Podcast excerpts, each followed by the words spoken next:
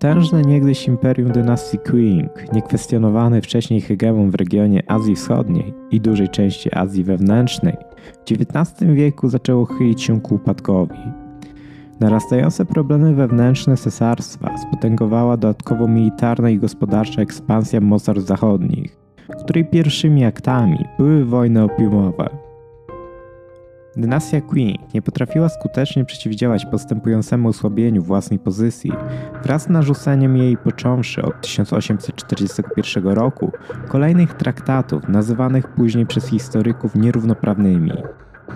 Porażka w wojnie Francją w 1885 roku i dotkliwa klęska w starciu z bagatelizowaną wcześniej, lecz szybko modernizującą się Japonią w konflikcie w 1895 roku doprowadziły do załamania prestiżu panującej dynastii i wzmocnienia się tendencji reformatorskich wśród części urzędniczego establishmentu. Dwie przegrane w ostatnich dekadach XIX wieku wojny wykazały nieskuteczność wcześniejszych wysiłków części chińskich elit na rzecz wzmocnienia kraju w drodze selektywnego przyjmowania technologicznych rozwiązań zachodnich, przy równoczesnym odrzucaniu ich intelektualnego i kulturowego podłoża.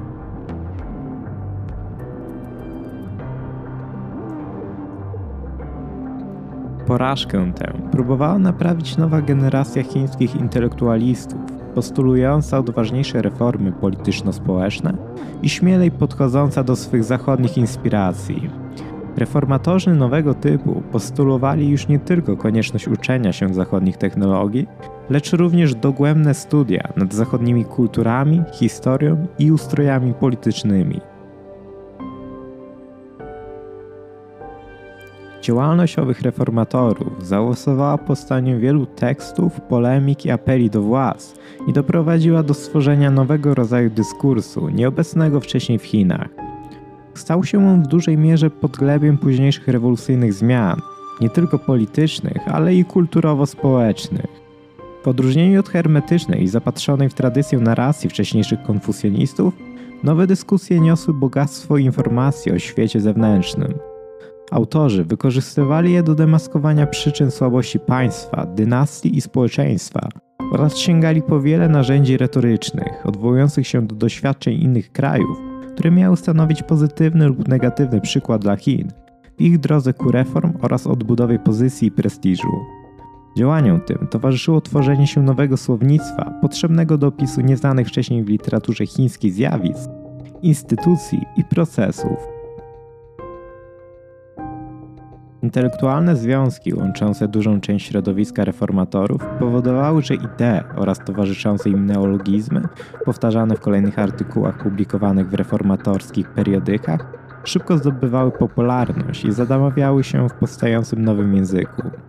Mimo niepowodzeń reformatorów, szybko zepchniętych do defensywy przez konserwatywny element w państwie, Koncepcje stworzone przez nich w ostatnich latach panowania dynastii Qing zakorzeniły się na tyle głęboko, że ich rola w późniejszej historii Chin jest trudna do przecenienia.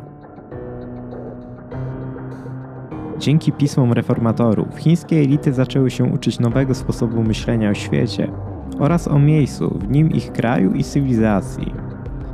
Choć z czasem kolejne pokolenia chińskich intelektualistów znalazły inne inspiracje i wypracowały odrębne koncepcje rozwiązania chińskich problemów, spychając umiarkowanych reformatorów w cień, to wciąż w sensie intelektualnym pozostawały ich dłużnikami. Pisma pierwszych reformatorów były najczęściej pierwszymi źródłami wiedzy o świecie zewnętrznym dla przyszłych rewolucjonistów oraz uczyły ich krytycznego podejścia do własnej tradycji i kultury. Inicjowanej przez reformatorów dyskusji o problemach Chin i świata, która rozgorzała na przełomie wieków, ważną rolę odgrywały historie państw upadłych lub martwych.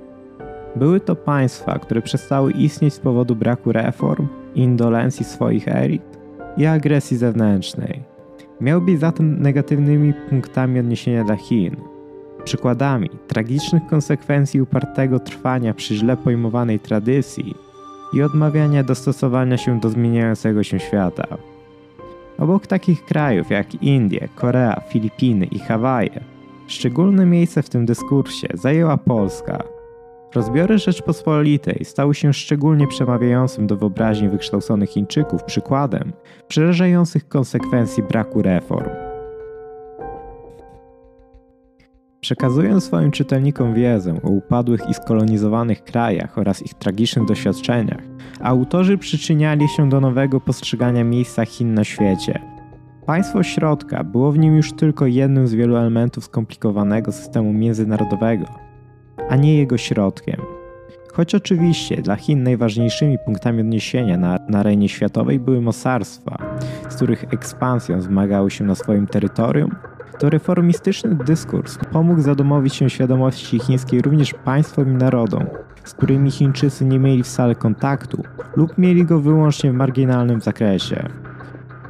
Przyczyniło się to w Chinach do powstania świadomości nowej globalności. Uświadomienie sobie tej globalności, będące efektem nowej wiedzy o geografii, geopolityce i historii innych państw i regionów, nie tylko umożliwiło zredefiniowanie miejsca Chin w świecie, ale i zrodziło chiński nacjonalizm.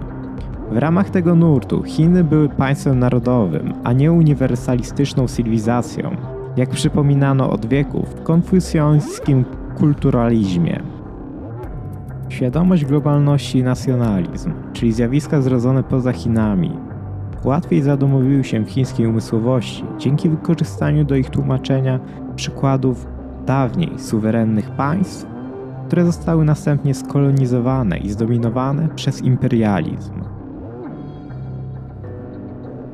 Choć motyw rozbiorów Rzeczpospolitej funkcjonował intensywnie od przełomu XIX i XX wieku aż do upadku cesarstwa w 1911 roku, do czego szczególnie przyczynił się memoriał pod tytułem Zapis o podziale i zniszczeniu Polski, który został złożony u tronu cesarskiego w 1898 roku, to najważniejszym dziełem dotyczącym dziejów Polski był przełomowy esej Lianga z sierpnia 1896 roku, który zapoczątkował szerokie zainteresowanie chińskich elit historią rozbiorów.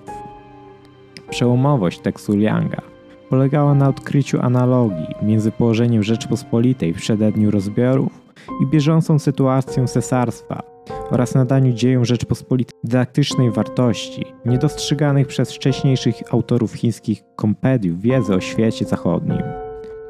Choć tekst Yanga był oparty w dużej mierze na obszernych cytatach z dostępnych już wcześniej źródeł, dopiero ten autor przekształcił motyw rozbiorów Polski czytelną aluzję do obecnej sytuacji cesarstwa i wykorzystał ją w polemice politycznej.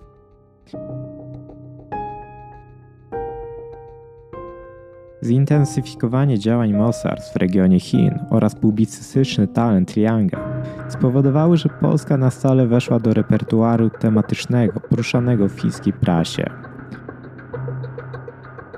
Do 1910 roku w prasie chińskiej opublikowano, według wyliczeń przeprowadzonych na podstawie analizy bibliografii nowożytnych czasopism chińskich, co najmniej 21 artykułów o Polsce, co stanowiło 10% wszystkich publikowanych ówcześnie tekstów.